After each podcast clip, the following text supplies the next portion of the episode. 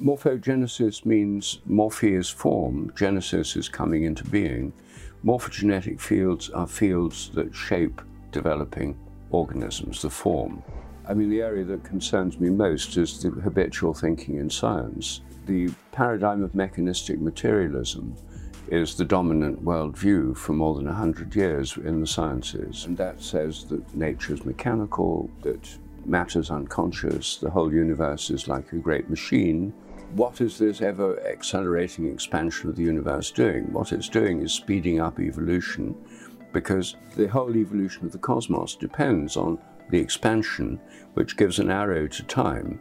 The ultimate arrow of time in the universe is the expansion of the cosmos. Um, and it literally creates more space for new things to happen.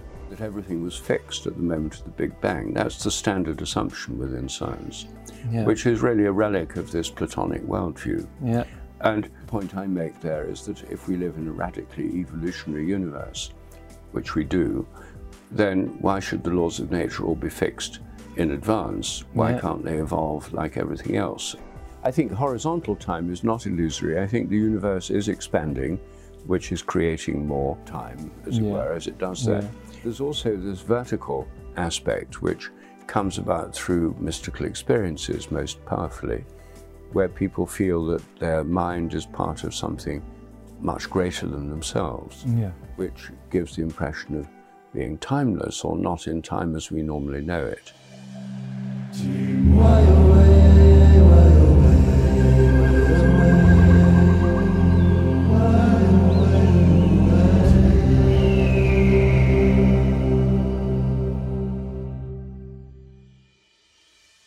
Welcome, dear viewers, to another episode of the Book Lumens podcast. I don't know how to translate that into English, but you might wonder why I'm talking in English, and that's because Joey and I took the train to London from Amsterdam yesterday to meet up with a very special man. Uh, he got his TED Talk banned, and the Sunday Times even called him a prophet of our times.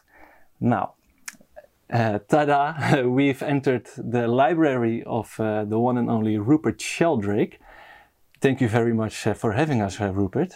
Good that you're here. Yeah, yeah, I'm very excited because uh, last year we did an interview with uh, a friend of yours, Pim van Lommel. Mm. And the two of you made a really big difference in my personal life. Mm. And I'll explain later. But um, we have a few households things to, to mention first before we start. Uh, if you like this video, if you think it's valuable, please give it a like or leave a comment below the video. You can also do that on our website, tijdboeklumens.nl. Um, you can subscribe to this channel, you can subscribe to our newsletter. And if you uh, uh, want to give us a reward or a donation, we would be very happy to receive that. That is what's keeping us going. All right. Yeah, so uh, what your work has meant to me personally, like for instance, your work on telepathy to prove that, uh, opened up a whole new world for me, like a whole new dimension of reality. Mm. And I studied, uh, I did a technical studies in Delft, mm. mechanical engineering, mm. very solid. I was raised as a Christian until I was 16. I, I, left that behind. So because of your work and of Pim van Lommel, I finally could open up that there's more than just a three-dimensional world. Mm. And I think I owe my whole life path after that towards work from people like you. So I'm super excited uh, to be here. And I'm also not surprised that a platform as such as the Sunday Times calls you a prophet. Because, yeah, to me, uh, that's what a prophet does to bring people into bigger realities towards truth. Mm. But how do you feel to be called a prophet? I don't really know. I don't think about it actually. I'd forgotten I'd been called a prophet. Yeah. Um, um, well, what I'm trying to do is see the way that things might go within science and in other areas, mm. and um, do my best to change things in a direction that I think is better than the way we're going at the moment. Excellent. Mm. Yeah, I think uh, that's what we're all trying to do. Mm. But so much confusion about what is the right direction. Mm. So many opinions in our world. Um, you know, we don't have a lot of time for this interview, I understand. So I've been thinking about what to address because we can go into so many directions with you. So the telepathy or the morphogenetic fields and the morphogenetic resonance, the memory of, of space.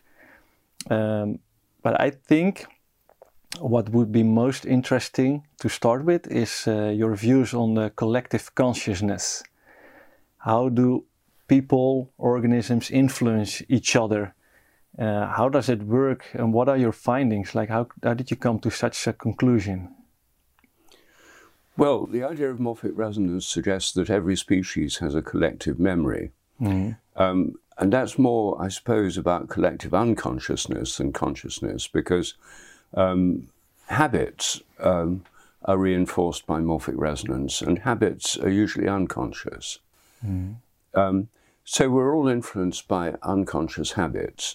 Um, we're all creatures of habit. Most of our behavior is habitual. Most of our mental life is unconscious. And there, I think morphic resonance plays a very large role. It's similar to what the psychologist Jung called the collective unconscious with the collective memory. So we're influenced by all sorts of habits, um, cultural habits, linguistic habits, um, habits of thought within science paradigms, models of reality are really habits of thinking. Um, so all of that is very much influenced by um, morphic resonance. Then, of course, there's the conscious part of our lives, which um, is influenced by not just morphic resonance, by media, social media, you know, all the normal things, hmm. newspapers, mm the weather. I mean, lots of things influence collective consciousness, and far too complicated to enumerate them all. Yeah, yeah. Yeah. But my emphasis is mainly on the the the role of morphic resonance in our habits of thought. Yeah, and could you give uh, an example of where you found this collective consciousness to be super clear? Well, I mean, it's clear in any area where there are habitual thinking. For example, I mean, the area that concerns me most is the habitual thinking in science. Um, the paradigm of mechanistic materialism is the dominant worldview for more than 100 years in the sciences. And, and that says that nature is mechanical, um, mm. that matter's unconscious, the whole universe is like a great machine, um, living organisms are mechanisms. So, this is a very deep seated habit of thought. Yeah and it impinges on the way people respond. Say, take telepathy, which you mentioned earlier. Mm. Uh, there's most people have experienced telepathy in connection with telephone calls. Yeah. Um, many people have experienced it with their pets, their dogs or cats. Uh, as you know, I wrote a book called Dogs That Know When Their Owners Are Coming Home mm. about telepathy in animals.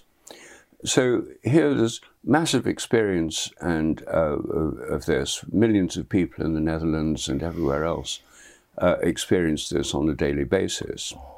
Um, yet, as soon as you step into a scientific institution or an mm. academic institution, there's a taboo against this being real because the, the mechanistic worldview says that the mind is nothing but the activity of the brain and it's all inside the head.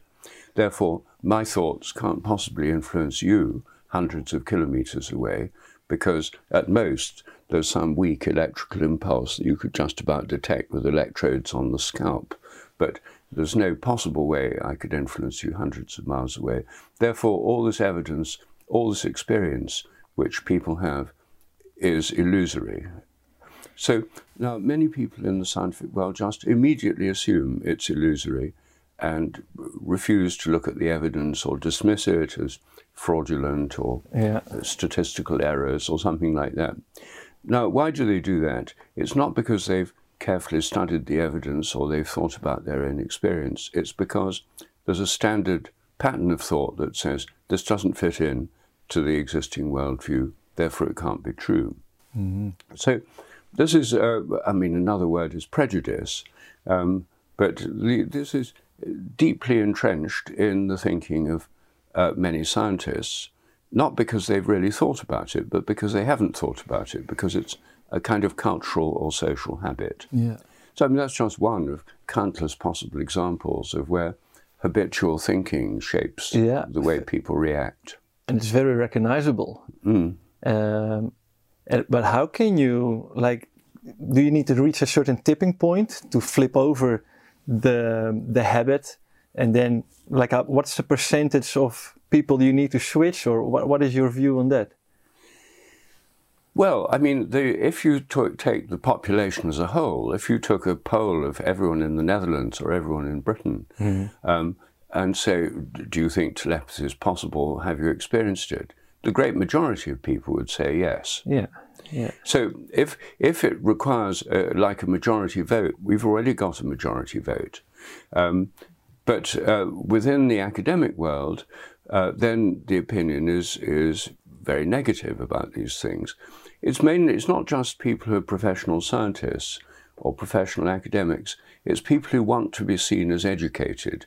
You see, the, the normal view is that uneducated people believe all these stupid things, but educated people are so smart they've seen through it. yeah, And so it's mostly people who want to preserve their credentials as being educated. yeah, So um, I think one thing that would change it is um, a change in a, a change in worldview. If if instead of being something that seems to violate rational science, um, we have a model of the mind or of nature where this these this becomes perfectly normal, then most people would be would relax and they'd be able to accept yeah, something that basically they already know. yeah, yeah. Because I think in this particular case, people have something at stake to switch over to a different point of view.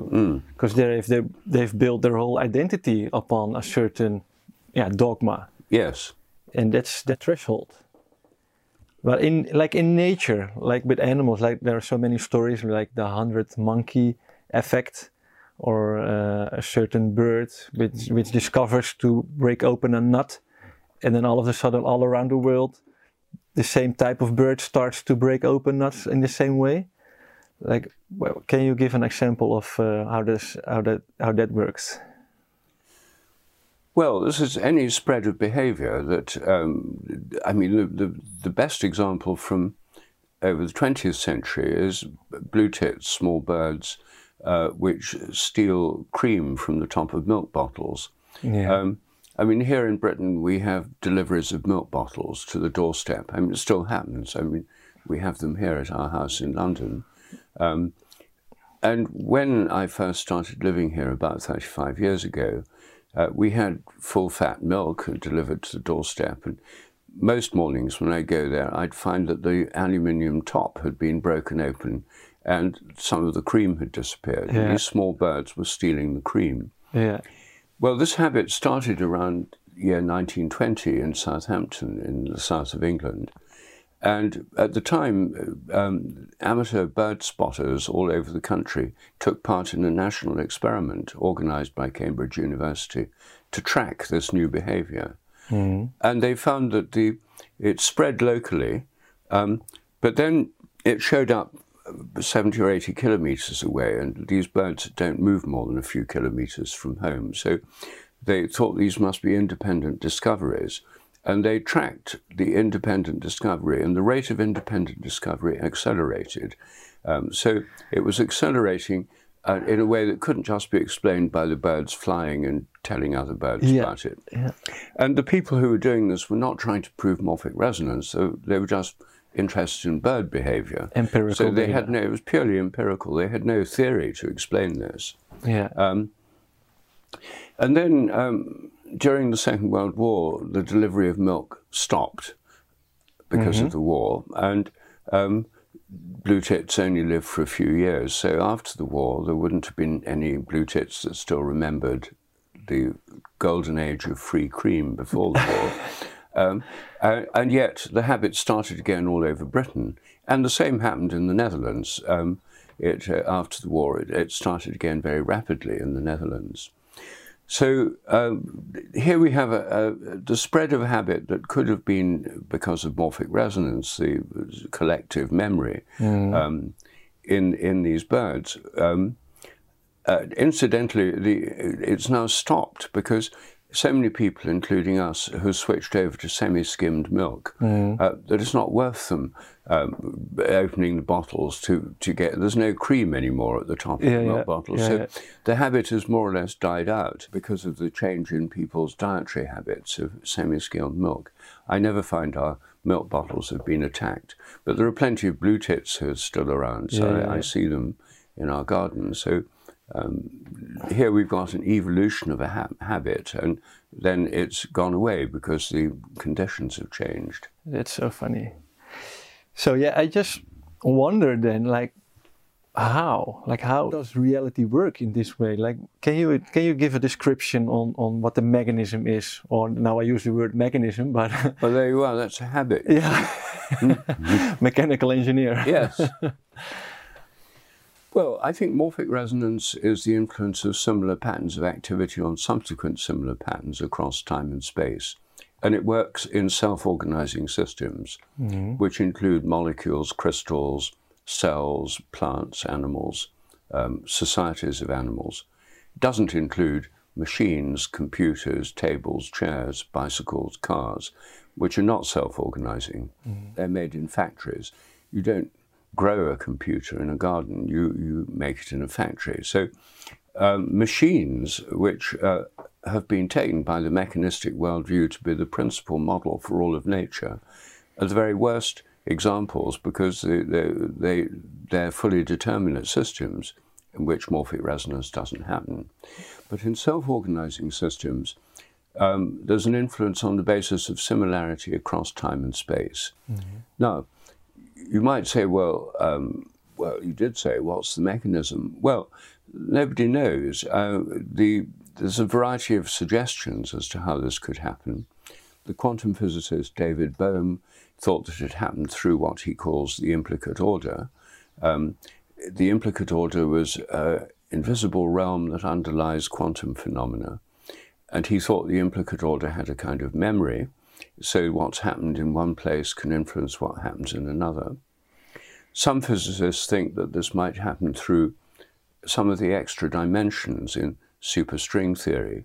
Mm-hmm. Um, in the 1920s, some people suggested telepathy and phenomena like that happened because there might be an extra dimension. And then people say, oh, it's rubbish, there can't be any extra dimensions. Mm-hmm. But now extra dimensions come cheap.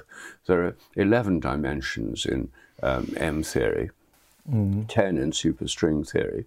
So there's all these extra dimensions. And so some physicists say, well, we've got all these extra dimensions. They might be doing something. They might be doing something that wouldn't happen with just three dimensions of space and one of time. And one thing that they think they might be doing is connecting things up across space and time, uh, leading to morphic resonance. So that's possible. Um, I'm, I mean, I don't understand superstring theory, and nor do most people, because it's based on complex mathematics mm. beyond most of us. So, you know, if somebody says, oh, oh, and then there are other physical theories of morphic resonance. I mean, people send them to me uh, by email. I get you know, several a year that physicists come up with, and on about the second line of the paper, you start into the equations, and it'd probably be fine for you with your mechanical engineering upbringing, but um, uh, for, for most people, they don't follow it. So when people say, What's the mechanism? If there was an agreed mechanism, I handed them a paper full of mathematical equations, they wouldn't understand a word of it. So, mm. Um, mm. in a sense, they don't really want to know what the mechanism is. They want to know where it's approved of by scientific authorities or something like that. Right. Um, so, the reason I don't think it matters very much, strangely, it may sound strange, is that I think what really matters is whether this happens or not. That's what preoccupies me. It, is what's the evidence? Is it does it really happen? Does morphic resonance really happen? And you see, if you take the analogy with magnetic and electric phenomena, mm. in the 1840s here in London, Michael Faraday was doing experiments on electricity and magnetism. He developed the idea of the electromagnetic field. Um, and he showed how electricity and magnetism are related, and which we get from which we get the electric motor and so many aspects of modern life. but he couldn't explain these fields. He didn't know how to explain them. And then Maxwell came along 20 years later and with his equations of electromagnetism, um, which were based on the idea that electromagnetic waves, light, and other electromagnetic waves propagate through a tenuous form of matter called the ether. So the theory was all based on the ether. Then in 1905, Einstein came along and said there's no such thing as the ether. Uh, you just have electromagnetic fields which are free floating. They're not based on anything else. They're just themselves. Yeah. Um, and and then people say, well, how can that be? They must be based on something. Um, and then in quantum electrodynamics, people come along and say, well, actually, there's a quantum vacuum field, and all electromagnetic interactions depend on virtual photons, but you can't actually see them because, or detect them because they're virtual. Um, so we now have a theory that's totally different from anything that Faraday could have conceived of.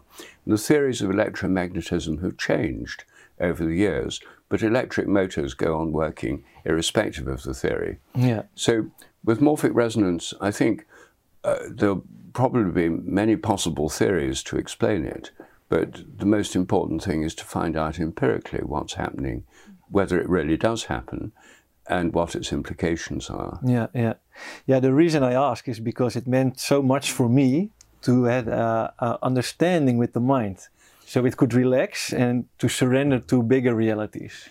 Oh, yeah. Well, I'm all in favor of understanding. I mean, I spend lots of time thinking about these things.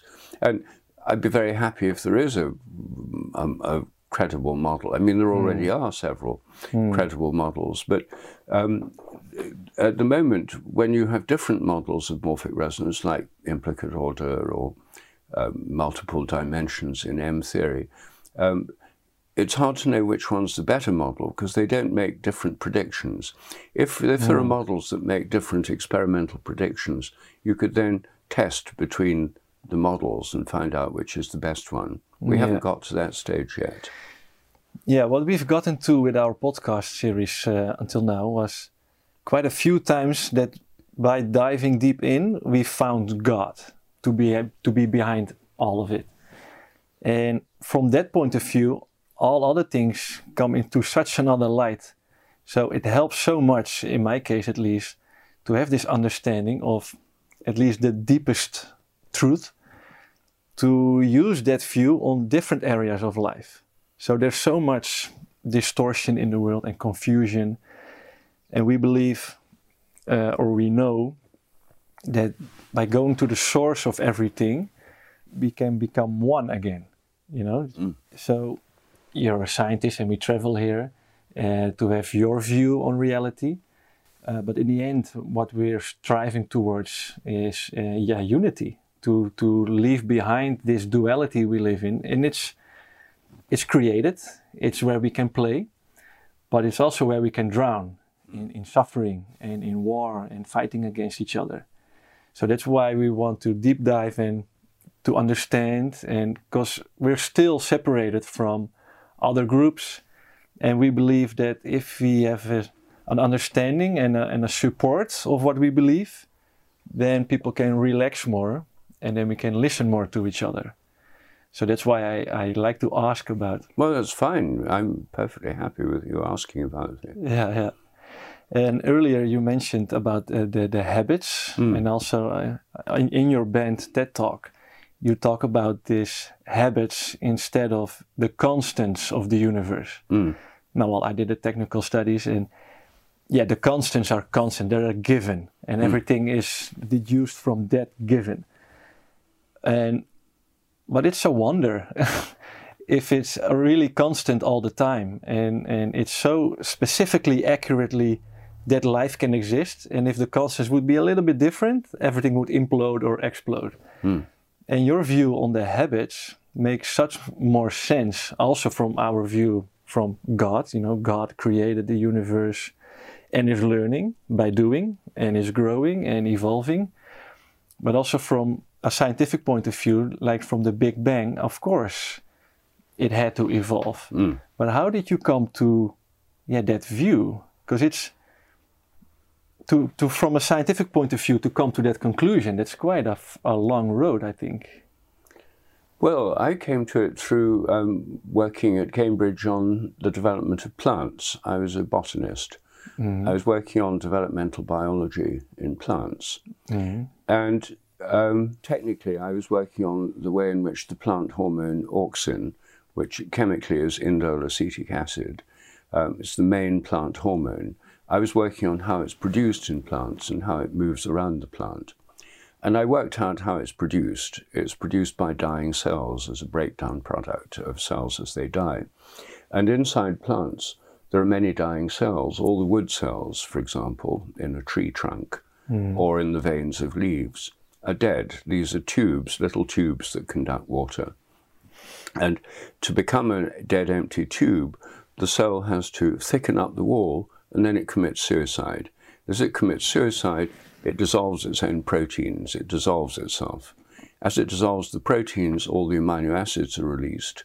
Then they're broken down. And one of the breakdown products of the amino acid tryptophan is indole acid. So it's made by dying cells. I worked that out. Then it's moved around the plant always towards the roots. It moves down towards the root tips. It doesn't move in the other direction. It's called the polar auxin transport system. And with a colleague at Cambridge, I worked out how that happens.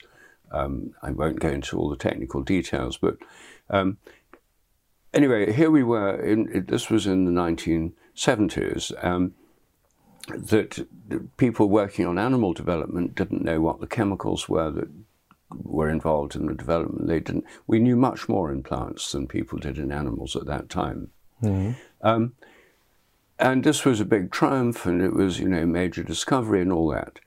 But then when I thought about it, I thought, well, actually, all plants, ferns and palms and foxgloves and cabbages, all make auxin in the same way. They all move it around with the same transport system, and yet they all have different shapes. And the leaves have different shapes from the flowers, and within the flowers, the petals have different shapes from the stamens, and so on. So this isn't going to explain how all these shapes are different because it's the same thing yeah. in all cases.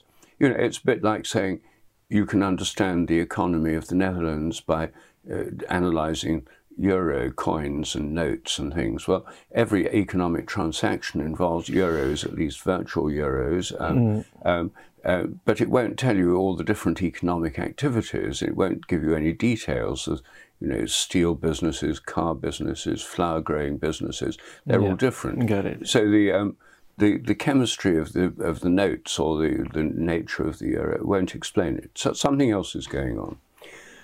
And then I discovered in the 1920s, uh, biologists had. Uh, working on development had proposed that there are invisible fields, morphogenetic fields, form shaping fields, that shape organisms as they develop as a kind of mold or blueprint, like yeah. an architectural for those, plan. For those who don't know what morphogenetic field is, can you explain that? Morphogenesis means morphe is form, genesis is coming into being. Morphogenetic fields are fields that shape developing organisms, the form. Yeah. So the morphogenetic field of a leaf would be a kind of shaping or mold of a leaf. Or Where the leaf grows into. Like, yeah, it grows into a kind of plan of the leaf. And the morphogenetic field of a petal or of a liver or of an eye would be uh, like a, a, plan into which the system grows. That the, so fields are regions of influence in space. A magnetic field is inside a magnet, but it's also around it. It gives a shape to the space around the magnet a shape to the magnetic influence around the magnet. Mm-hmm. So the gravitational field of the Earth is in the Earth, but invisibly stretches out beyond it, keeping the Moon in its orbit. So fields are an important concept in science that are not made of matter. Um, instead, matter is made of fields, according to modern science. Yeah. So, you know, the, an electron is a vibratory pattern of activity in, in an electron field. Mm-hmm. So um, this is in itself somewhat counterintuitive because most people think of matter as solid, hard yeah. stuff. Yeah. But actually, um, within modern physics, matter is thought of vibratory as vibratory patterns within fields. Yeah. So the idea was, in addition to the nuclear fields, the uh, quantum matter fields, the uh, electromagnetic fields, and the gravitational fields that are already part of standard physics, there are other kinds of fields which shape form in self organizing systems, morphogenetic fields. So, this idea, I didn't invent this idea, it was already part of biology, but a very much yeah. a minority mm. view because it's a holistic view of a top down causation. The field shapes the organism, whereas the spirit of modern biology since the 1950s and 60s has been strongly reductionist. You explain everything in terms of the smallest parts genes, molecules, um, and try and explain life from the bottom up. Yeah. From the small molecular biology has become the most dominant part of biology, mm-hmm. trying to explain things from the bottom up. It's like trying to explain a building by analyzing the bricks and the cement and the the iron, the steel beams, and that kind of thing. I mean, you, it's important. You need to know about that, for, but it doesn't tell you the building plan, the architectural plan uh, which is a top-down cause. Yeah. So anyway, I realized that we needed something like that. But then the question is, how could these fields be inherited? Because they're not genes, they're not proteins. Genes code for the structure of proteins, the sequence of amino acids. There's no way they could be inherited like that. And yet they had to evolve most of my colleagues who were interested in morphogenetic fields, um, like the biologist Brian Goodwin, for example, here in Britain, thought that the key way forward was to find mathematical equations that described them, taking the standard physics view that what's really real is mathematical equations, and the world is just a kind of instantiation of equations. Now, most theoretical physicists and mathematicians believe that maths is more real than reality as we experience it. They're basically crypto Platonists. Uh, they believe that there's a kind of eternal realm mm-hmm. that's more true and more real than the world we actually inhabit.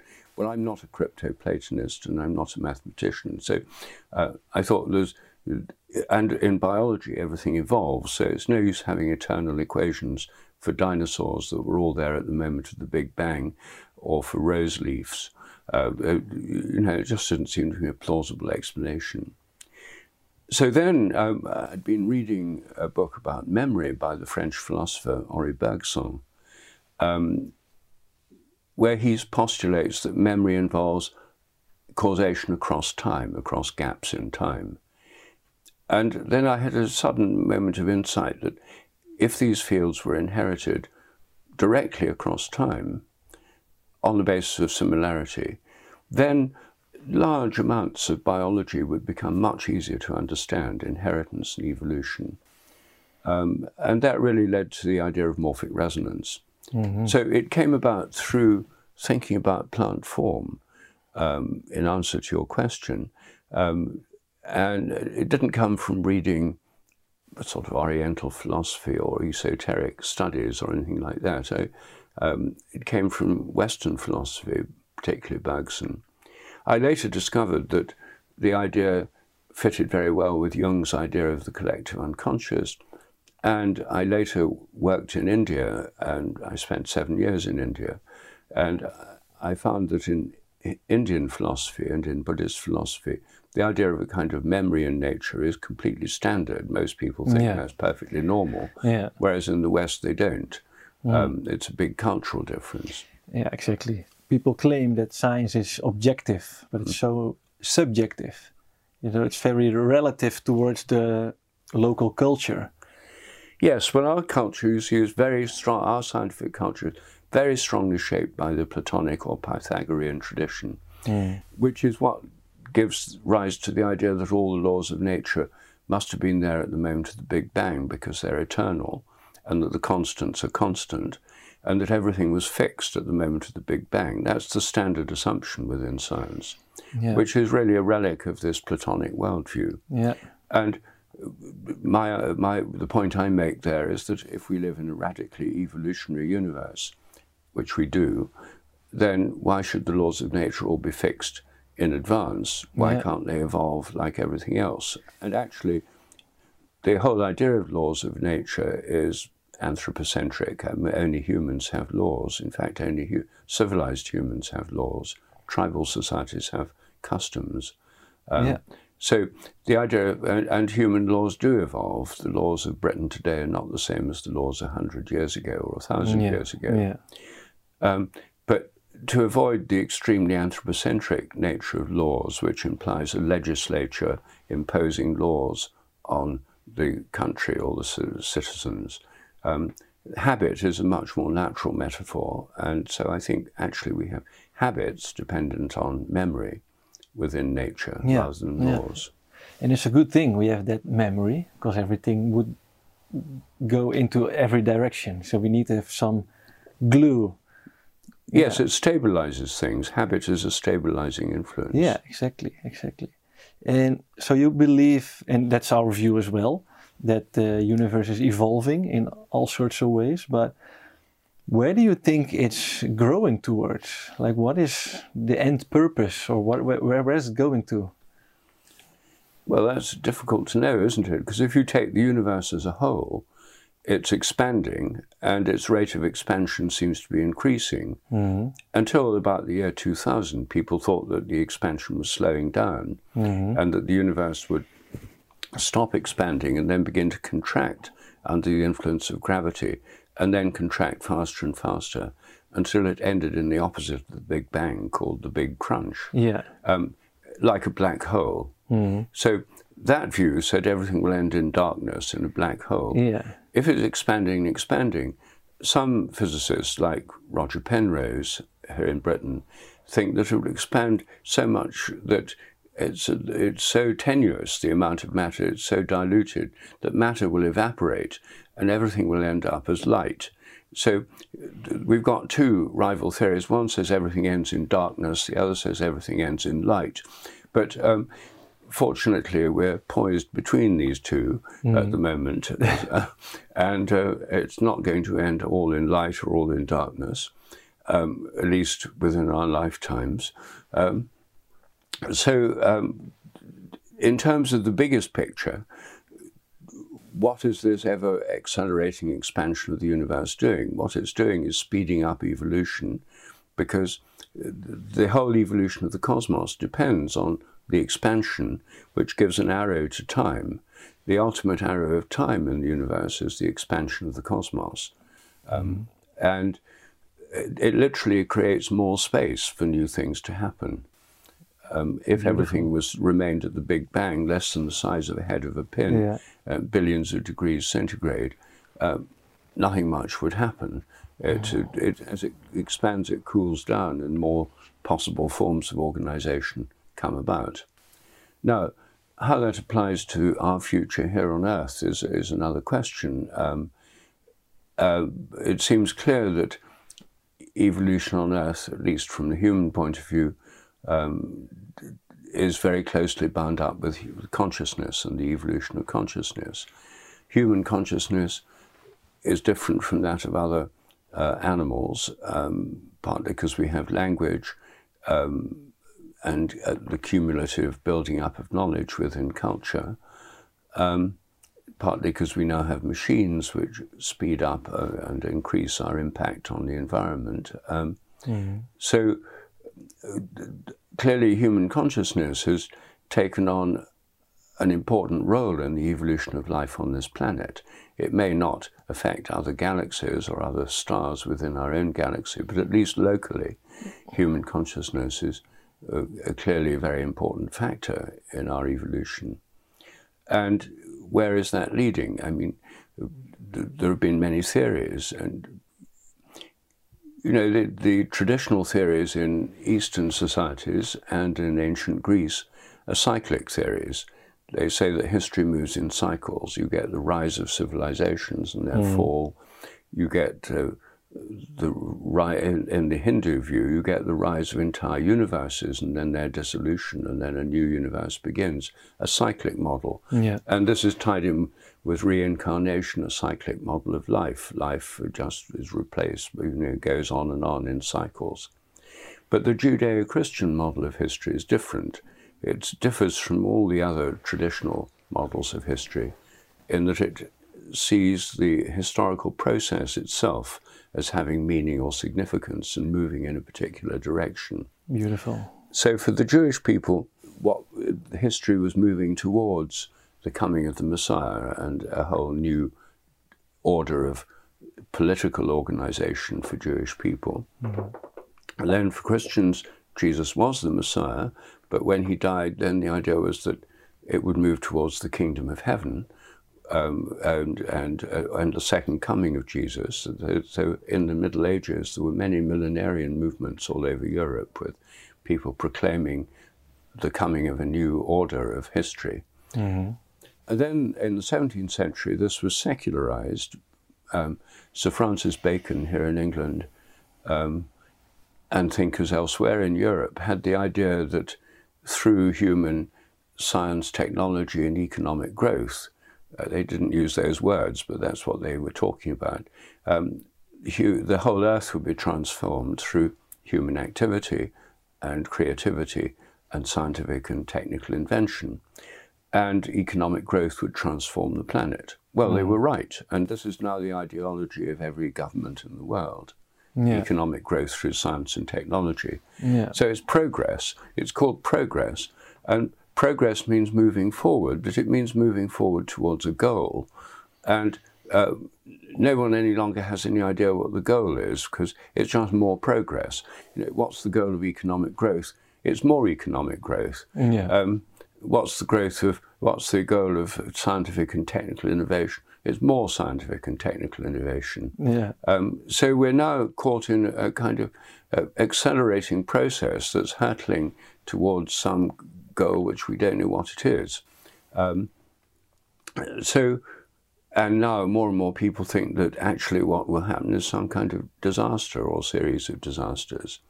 So, um, we haven't really got. You say when when people remove the ideal, uh, the secularization of European society, which is much more advanced than any other part of the world. I mean, secularization the removal of traditional religious goals and aims and objectives been replaced by these secular, scientific, and technological ones, uh, which are just more of the same and, and more rational and scientific and technical understanding. Yeah.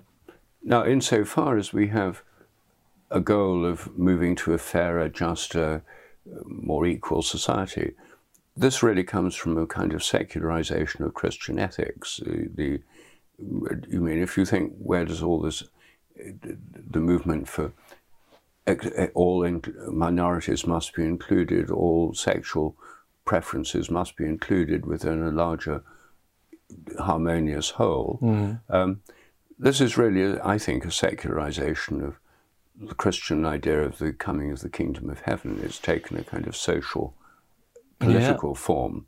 You don't get anything like that in the Islamic world and in the Hindu world and in the Buddhist world. I mean, you don't have people marching through the streets of, in most parts of the world, um, you know, with this very strongly motivated desire to bring about a kind of equality and inclusiveness within mm. society. So I think that's an ethical goal at the moment, which is derived from the Christian tradition. Yeah, it's very interesting and that's also yeah brings me back to the yeah vision of this podcast you know to bring people back towards the true essence. And with secularizing these these things yeah in the end it, it eats up everything. Mm. you know i saw a map of the north sea uh, with planned windmill parks. Because yeah we need more green power. And i look at the map and I, I think are you serious? Like where do you think this is going and this is just just a drop on a hot plate. This yes. is not even fulfilling the current needs. And where is it growing towards? Like, yeah, this is going to eat eat up everything uh, unless yeah we turn and realize what life is really about. So uh, yeah, I'm I'm fascinated about your conclusions where you well what your research has has brought you. Well, I myself think that what what that, that we this is a very important part of our nature is the spiritual side of our nature, and that in a secular society where spiritual goals are suppressed or marginalized or at least privatized, so mm. religion and spirituality become at best a kind of private hobby. you know, Yeah. a bit like breeding gerbils or something. As long as it's harmless and doesn't affect anyone, you can believe what you like and practice any religion you like, um, Yeah. however exotic. Um, uh, but the idea of any coherent spiritual vision for the society seems to have disappeared. Um, and except for this agenda of, of, say, of equality of rights and, uh, you know this sort of tremendous which inspires a lot of people the, the idea of fighting for these rights and um, so I think that to lead a, um, a satisfying life the spiritual dimension is extremely important and I think it needs to be recovered Yeah. and I think if we were more spiritually satisfied we'd be less greedy about material needs and Yeah. feel Yeah. Yeah. feel that we need less and and and um, instead of always wanting more. Yeah, I think you're a very valuable bridge builder in, in, in that regard. And your last book is about science and spiritual practices. And it, yeah, so it mentions or it describes seven spiritual practices. And to bring that towards people who don't really want to go into spiritual, yeah, stuff, because it's too, yeah, scary, but to give them the benefits of spiritual practice. But does it bring them back towards yeah, the true essence of it? Well, I think spiritual practice all of them, um, bring us into connection with a reality greater than ourselves. That's the point of spiritual practices. And the ones I discuss in my book um, include meditation, um, which is very well known now and very widely practiced, and which has physiological effects. All these practices have measurable scientific effects. Um, and gratitude, the practice of gratitude, makes people measurably happier and and, and and healthier. Um, connecting with nature is you know now there are people running forest bathing courses and stuff. I mean, a lot of people just like going for walks in the woods, but now you can have go on an actual course of forest bathing. Yeah. Um, and connecting with nature is a very, very important part of people's lives um, uh, through parks and countryside and so on. Um, uh, pilgrimage is one of the practices I'm very keen on. I think that this, uh, the revival of pilgrimage all over Europe um, is a really important way of reconnecting with nature and with holy places and with tradition. Um, and uh, you know the pilgrimage to Santiago to Compostela, which has grown from a thousand pilgrims on foot in 1987 to 350,000 in 2019. Wow. A massive growth of pilgrimage. Yeah. Not all devout Roman Catholics. In fact, I imagine only a minority. In fact, we know that only a minority of the people doing it are devout Roman Catholics. All mm-hmm. sorts of people, including atheists, like going on pilgrimages. Exactly. It's an expression Yeah. of a spiritual quest, and literal expression of it. Um, Yeah, and then it can be as a stepping stone towards deeper uh, insights. yes, and for many people it is. It's a way of reconnecting with our own tradition and heritage, because Yeah. these holy places have been venerated for centuries Yeah. in Europe. And uh, so I think pilgrimage is very satisfying too. I, I mean, I go on, I've been on quite a number of pilgrimages, longer ones and shorter ones. I mean, even one day pilgrimages can be very helpful. hmm Yeah. Very inspiring. So uh, if I look back on my own path, like I needed these things to become more stable in receiving yeah deeper insights and then i did the plant ceremonies uh, and and i could receive it and i think otherwise i might have been in total resistance against it and then i would call it a bad experience or so Mm. So it's very valuable i think Mm. and another thing you mentioned was the coming back of the Messiah, according to the Christian tradition. And so that makes me curious, you being such an open minded researcher, what is your view on predictions and prophecies? Like, what is your view on the construct of time? Like, is it already in place? Is it already there? And with, I like, I had my own revelations, which meant the world to me. and I could see into the future. But what is your view from a scientific point of view? Like, how is it possible to look into the future if it's not already here yet? Like, hmm. well, I mean, there are, there are several possible answers to this. One is that there are short-term ways in which we can feel the future. I mean, this is studied scientifically by parapsychologists that you can feel what's going to happen with some degree of accuracy over a period of seconds or minutes. Mm-hmm. Some people have precognitive dreams. You dream of things that are going to happen two or three days in the future. Um, animals can feel when an earthquake or a tsunami is about to happen, and there are many examples of animals behaving unusually hours or days before an earthquake or tsunami. So they have a premonition, a feeling of the future. Mm-hmm. Um, I've written about this in my book, Dogs That Know When Their Owners Are Coming Home, because I've been studying animal responses to earthquakes for 25 years. Mm-hmm. Um, so uh, all of these are fairly short term. When we come to longer term visions of the future, then I don't think it's out there already fixed. I think that the future is radically open. Um, uh, I think the whole evolutionary process is about the openness of the future. Um, and in evolution, there's creativity as well as habit, and um, there are all sorts of new forms of organisms appear all the time, just as in the human realm, there are all sorts of new inventions, new tunes, new books, uh, also all sorts of novelty. Not all of them are successful. I mean, there's at least a million books published every year, mm. um, and very few become bestsellers. Most of them disappear into total obscurity. Um, you know, there's composers and musicians plugging new songs, and, and, very few of them make it into the charts. And and every week there are new patents filed for new inventions, and the vast majority you never hear of again. So there's a kind of natural selection. There's more creativity than is actually taken up by right. the, the, through natural selection or economic selection in human societies. Um, so there's always creativity that could go in various directions.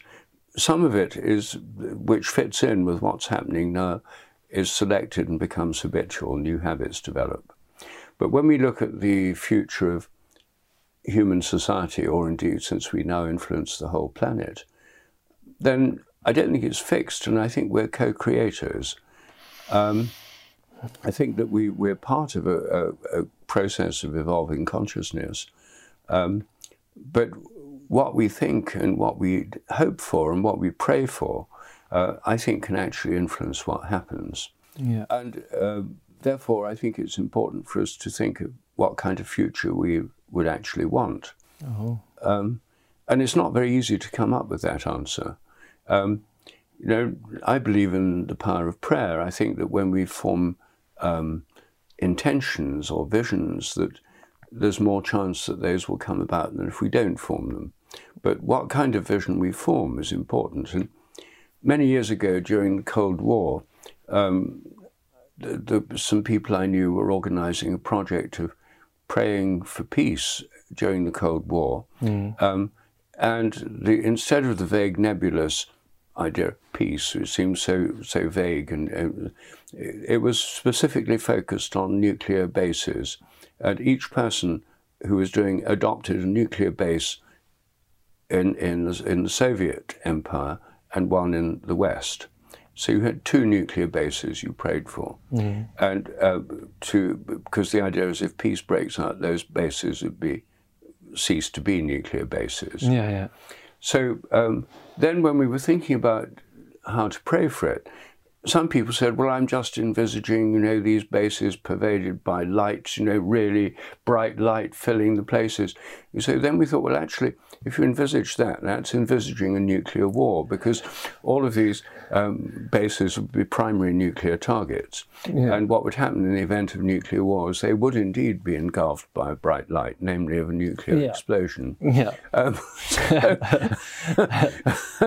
so some of us thought it'd be better to pray for, imagine these places with long grass there and sort of imagine the barbed wire around them sort of rusting as, as the Mm. fences fell down and that kind of thing. Yeah. And that's actually more what has happened to many of these nuclear Yeah, bases. yeah. So if we think, what do we actually want? Many people, when they think of the future, think of humans living in harmony with the earth in small communities, growing their own potatoes and things.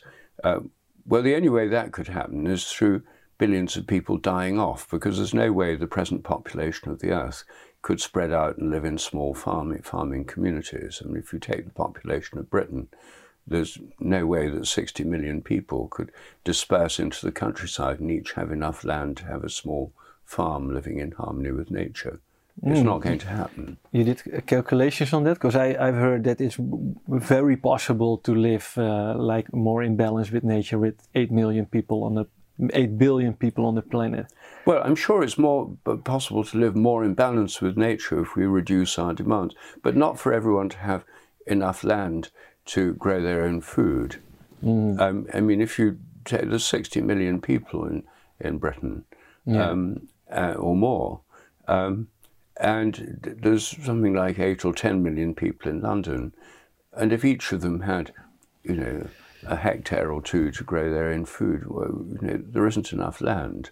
Oh yeah. So, so the, we can certainly live more in harmony with the planet if we reduce our demands and if we, instead of throwing everything away and you know having to extract things, use them and throw them away.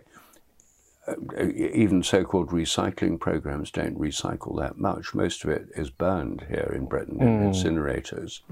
Um, so we all lead enormously wasteful lives with far more than we actually need. But no government's going to get elected by saying we're offering you the chance of reducing your consumption and reducing your uh, Yeah. economic uh, potential. That's what's actually happening, of course, in Europe. I mean, incomes are going down, at least in Britain. Incomes are going down, people are getting poorer. Yeah. And for the first time, generations of children realize they're never going to live as well as their parents. Whereas for, we've got used to the idea that children would do better than their parents, be richer, have Yeah. better outcomes, and so forth. Yeah. So we've al- we're already at a point of inflection where the tide is turning, but the whole of our political system is geared towards more and more economic growth and more products and stuff. That we haven't really got a system at the moment which is designed to reduce our impact by reducing our consumption. Yeah. What are your expectations for the coming years? Well, I mean, I think that the, the obviously there's millions of doom scenarios around. I mean, we've all heard them. You know, there's so many things that could go wrong and are going wrong. Um, I prefer to think of things that might go right. You know, and which would include more people uh, discovering a life led more, living more simply uh, with more spiritual goals, uh, can be more satisfying and happier than the life of ever increasing consumption. So I think a, a move towards a more spiritual way of thinking and living is one of my great hopes.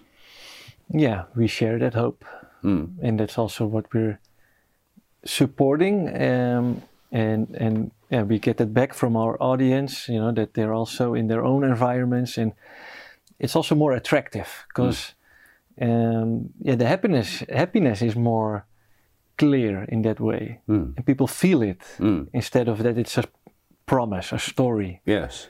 yeah, maybe people are also a little bit tired of those false promises and they know, they discover that that's not what life is about.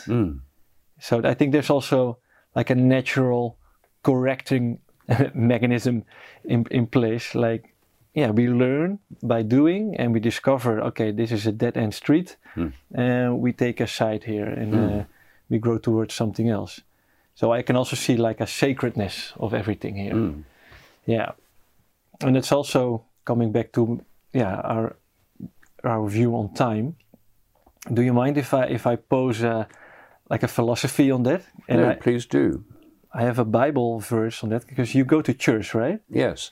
And I think there are so many undeniable statements in the Bible which have, have been very yeah, confusing, like strange.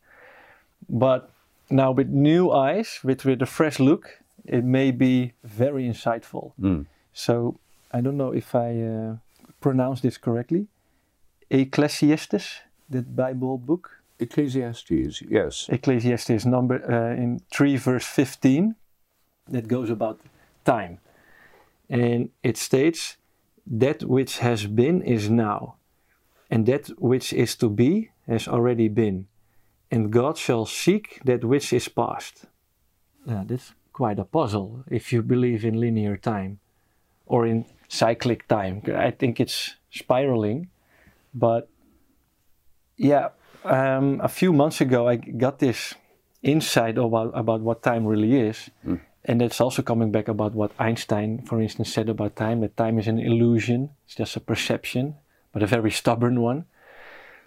And I share that stubbornness because you know, right before this talk, we were outside and we were moving towards. So we have a clear, yeah, experience of time. But what I now came to see is that it's constructed in this way, it's created in this way, uh, from beginning to end. So the beginning of time and the end of time has already been in place, the whole universe, and that's growing in towards a vertical time. I don't know if you've heard these terms before, like horizontal time and Mm. vertical time. And I believe that we live, we experience life in horizontal time, Mm. which is already there, but our soul goes through yeah, this experience. But when you step outside of it, like where God is or where angels are, they can see the whole picture already. So they can see, for instance, hey, a Messiah is coming. And, you know, Jesus came uh, 2,000 years ago. So this time, and Jesus talked a lot about the completion of this world. Hmm. And so the way I look at it now is not it's not completing in a horizontal way, but it's completing in a vertical way. Mm. So we're growing and we learn by doing and we have traumas and we heal our traumas to have a nicer life. So this horizontal timeline is growing towards a completion and I don't believe in a big crunch that you mentioned. And yeah, if I would say where it's all going to, what comes to mind is what the Tibetan monks what they make with the sand, the colored sand. They make these mandalas Mm. or mandalas. I don't know how to pronounce, but beautiful. Mm. And once it's ready, it's all crystallized and it's perfect. Then they begin all over. Mm. So that's that's a little bit my my understanding of time. And so it's not one dimensional; it's two dimensional. Mm. We have an experience in one dimension, but God lives in another dimension, and that's also what a lot of spiritual practices state that God can be found in the moment. Mm. That's where true life is. And yeah, like uh, time is an illusion. So yeah, everything starts to make sense when I look at it in that way. And you know, I've been really looking forward to this talk to to post this with you, and yeah, just to pick your brain on on yeah, what do you feel like? Where do you feel like reluctance or or uh, what do you think? Yeah, what do you think about this? Well, I mean, I, the, the idea of the horizontal and the vertical makes sense to me. Um, I think horizontal time is not illusory. I think the universe is expanding, which is creating more time, as it Yeah. were, as it does that. Yeah. I think that time is asymmetric. Um, Einstein's block universe was completely symmetric, and the reason for that is that Einstein was a Platonist, and he believed that the mathematical laws, the mathematical reality, these abstract ideas of maths are timeless. Um, Platonic forms are timeless. So I think one of the confusions in Western science is precisely that this vertical time, the timeless or eternal dimension, has been incorporated into our model of nature through timeless mathematical laws and constant constants and the block universe and stuff. Um, there's been a kind of introduction of eternity in, inappropriately into horizontal time. That I think that the that the actual process of expansion of the universe is asymmetric. It's expanding, not contracting. The growth of an embryo from a fertilized egg into an adult organism is a one way process. You don't see it going the other way. Old people don't grow down and become embryos. Yeah. Uh, embryos grow up and become old Yeah. uh, eventually. Um, that the, the, the, there's a kind of irreversibility in many processes, that nature is a process, and, and process um, has a difference between the past and the future. We have memories of the past and anticipations or hopes or desires or intentions for the future, but they're, they're different. Um, so I think time, horizontal time, is not an illusion. I think it's it's uh, very real. I think it's the way nature works. Um, uh, there's asymmetry in time, which is reflected in quantum theory too. The the the shredding Schrödinger wave equation that describes what will happen to an electron or any other particle describes all the possible things that could happen. As soon as it interacts with something or is measured, all these possibilities collapse down to a defined fact that you can measure. Um, it's called the collapse of the wave function. And then new possibilities open up, and those then collapse down.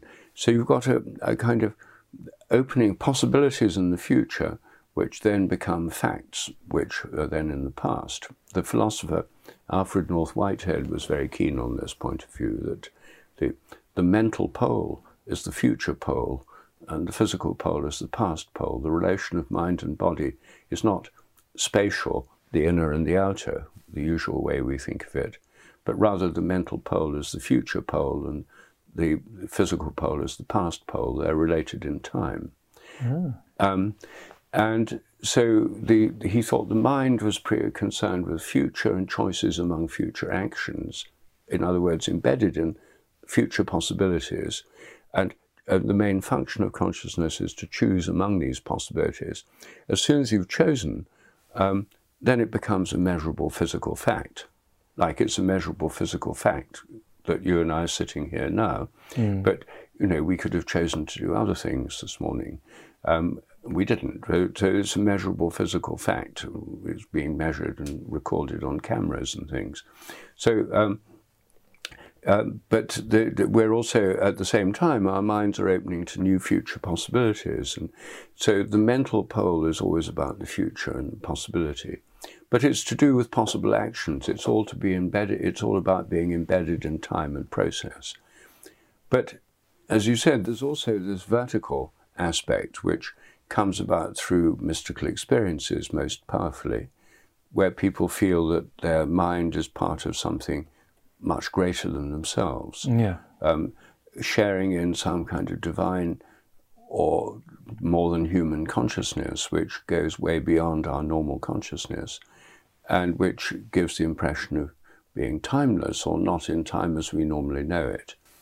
And people can arrive at mystical experiences spontaneously. I mean, lots of people have them spontaneously, even as children, or they can arrive at them through spiritual practices, or through psychedelic experiences, um, or through near-death experiences. There are peri- people have these experiences of being part of a much larger consciousness, which is not in the kind of time we normally know, and that I would, I think that's what gave rise to the Platonic. Uh, I think the Platonic philosophy, I think, arose from mystical experience, the intuition that something beyond time. But then it was turned into a philosophy and maths, and then applied to nature in, in a way that's not to do with experience, the direct experience, but as a kind of formula for the way nature is governed by eternal yeah. laws. So I think originally Plato probably arrived at this idea of an eternal reality. In fact, all the ancient Greek philosophers were preoccupied with the idea that there's an eternal reality beyond this world, which doesn't change. And I think that original insight must have come from mystical experience. I mean, after all, they had the Eleusinian mysteries that many of the leading Greeks went to in the cave in Eleusis, the temple in Eleusis, where they took a psychedelic brew, some people think contained ergot or, or uh, purified forms of ergot, a bit like LSD, um, which is derived from the fungus ergot. Um, and that the, the, there was a strong mystical element in, in Greek thought. And it, um, so anyway, I think that this vertical dimension, this which is experienced through mystical experience, which is the ground of all religion, all religions start from this experience of connection with something greater than the human level. And the Buddha became enlightened not by doing a PhD, uh, but by sitting meditating under trees. And, um, you know, and, and the ancient rishis of India, the seers, who wrote the Upanishads or dictated them, um, you know, were sitting in caves meditating for years, like Tibetan monks do now. Mm. Um, and Jesus didn't get his vision of being the Son of God through studying in a rabbinical seminary. He got it through a direct mystical experience at the moment of his baptism, according to the New Testament. Yeah. Um, and so the, this sense of direct connection is what underlies all religions and which ultimately they're about. Yeah, yeah. And then we start to give words to it, and then we start to uh, misunderstand each other. Yes, oh yes.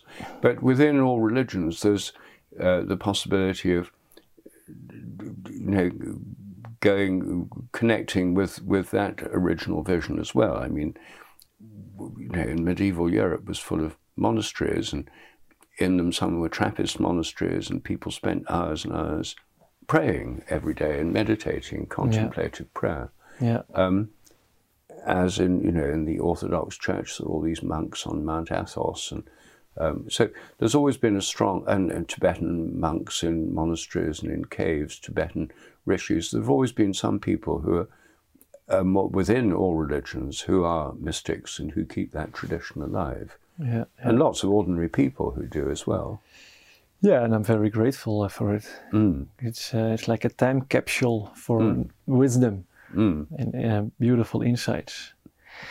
And about what you said earlier that we co-create our own world, our own future. Like I have, um, yeah, this view on money, but what money does to society. It's so such a, such a conditional aspect of life of our society. And in one of your books, I read about gratitude. That gratitude it's it's sucked out of society because of, we use money.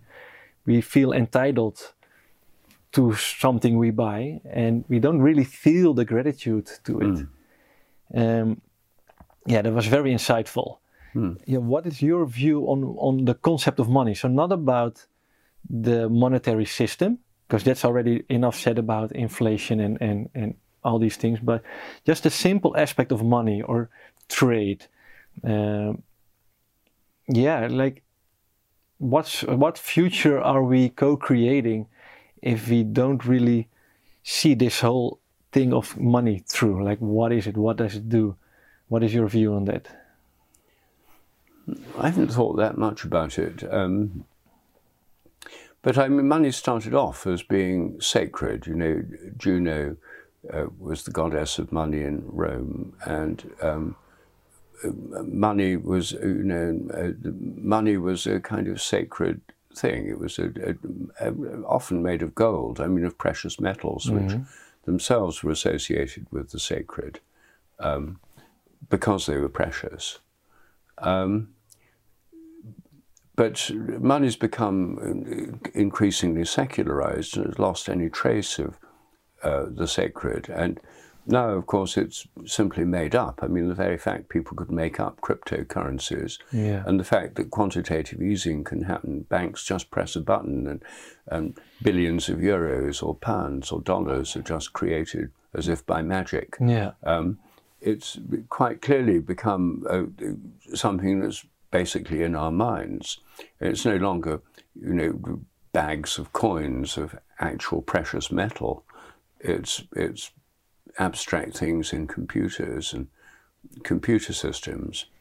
Um, personally, I, I'm, I use cash whenever possible, and I don't particularly want our whole economic system to be virtualized. Mm. Um, apart from anything else, it would make us very vulnerable in the event of any conflict. The first thing hostile hackers would do is bring down the internet, and then the entire economic system would be paralyzed. No one would be able to buy vegetables at yeah. a stall in the street or yeah. food or anything because their credit cards or phones wouldn't work. And, and so whereas cash is much more resilient.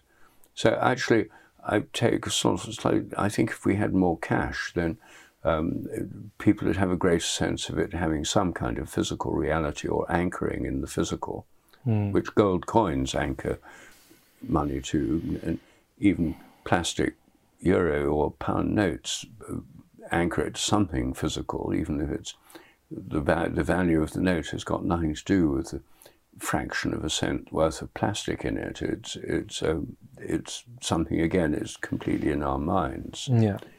Um, well, I mean, I, I, I, don't know enough about economics and the financial system to speculate on the yeah. future of it, but um, don't think we're going to get rid of money because it's been a means of exchange for such a long time. It's so deeply embedded into our yeah. system. Well, uh, it calls upon uh, a mission for me then, because mm. I, I, I really feel that uh, what you say is true. Like we we are the ones who cr- are creating this society and the future, and it's up to us. Like it, it's our gift, this whole creation, and we can steer.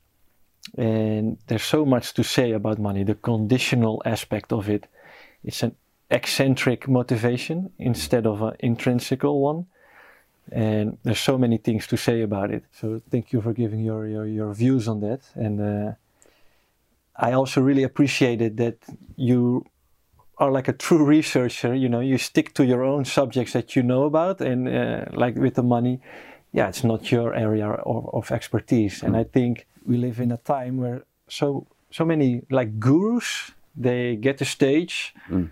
And yeah, they get a lot of respect and people start to ask all sorts of questions to them. Mm. And then they also start to give answers to all sorts of questions. Mm. And I see that, yeah, that, that's just another trap that, mm. that we want to avoid.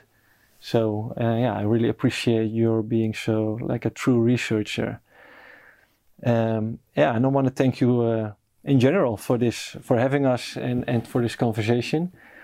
And I like to ask um, if you have something to add as a last statement that you want to give. Um, well, I suppose that I think the, the, the, since I've written two books actually on science and spiritual practices. First is called Science and Spiritual Practices, which you mentioned.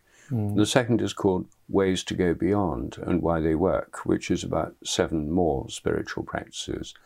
Um, since I think these are very helpful, I, I, suppose one thing I would say is, you know, that it's worth anyone who doesn't have spiritual practices continue taking one or more practices up, and for people who do, say people who meditate, then to look into the possibility of other ones, because it's not either or. You mm. can have many different practices. And one of the ones that I find is most transformative simplest and most fun is pilgrimage. And so um, I don't know what the situation is in the Netherlands because I've never been on a pilgrimage there, but there are holy places everywhere in Europe. Mm. And I mean, there are plenty in the Netherlands. And um, the key thing that we, in the British Pilgrimage Trust, of which I'm a patron, um, is that they should be on foot. And, you know, one should go to the holy place with an intention to give thanks or to ask for something or um, and uh, th- this is, is, is very different from just going for a walk because you're going with an intention. Mm-hmm. Um, so I th- and, and a pilgrimage can just be a few hours. It can easily take place in a single day. So it doesn't involve having to buy lots of heavy camping equipment and yeah, yeah. booking tickets to uh, go somewhere near Santiago to start on the Camino. Um, uh, it can be something much simpler. And I think it's a way of resacralizing the landscape and resacralizing our lives. And so, uh, something I'm very keen on, and, and uh, I'd recommend to anyone who's interested in Duly trying noted. something new if they haven't already tried it. Absolutely. Well, I was reading your book, and I noticed that I'm doing all all of all, all of the spiritual practices except this one so it's a good uh, reminder for me to uh, yeah to try it. Mm. So by foot, you go towards like a cathedral or a church, Yes. or a sacred place in nature, or ley lines, or Yes. whatever you feel attraction towards, and you go there with a clear intention. Yes. And traditionally, you'd make an offering of some kind. I mean, if it's a cathedral, then you know, making some offering. If you go to a Hindu temple, you know, you take flowers or coconut or something. Um, so you make some offering to give thanks for the place, and then you know, with an intention of linking to the place. And our pilgrimage routes in Britain, which are on a website called BritishPilgrimage.org, um, include cathedrals, churches, holy wells, the sources of rivers, um, mountain tops.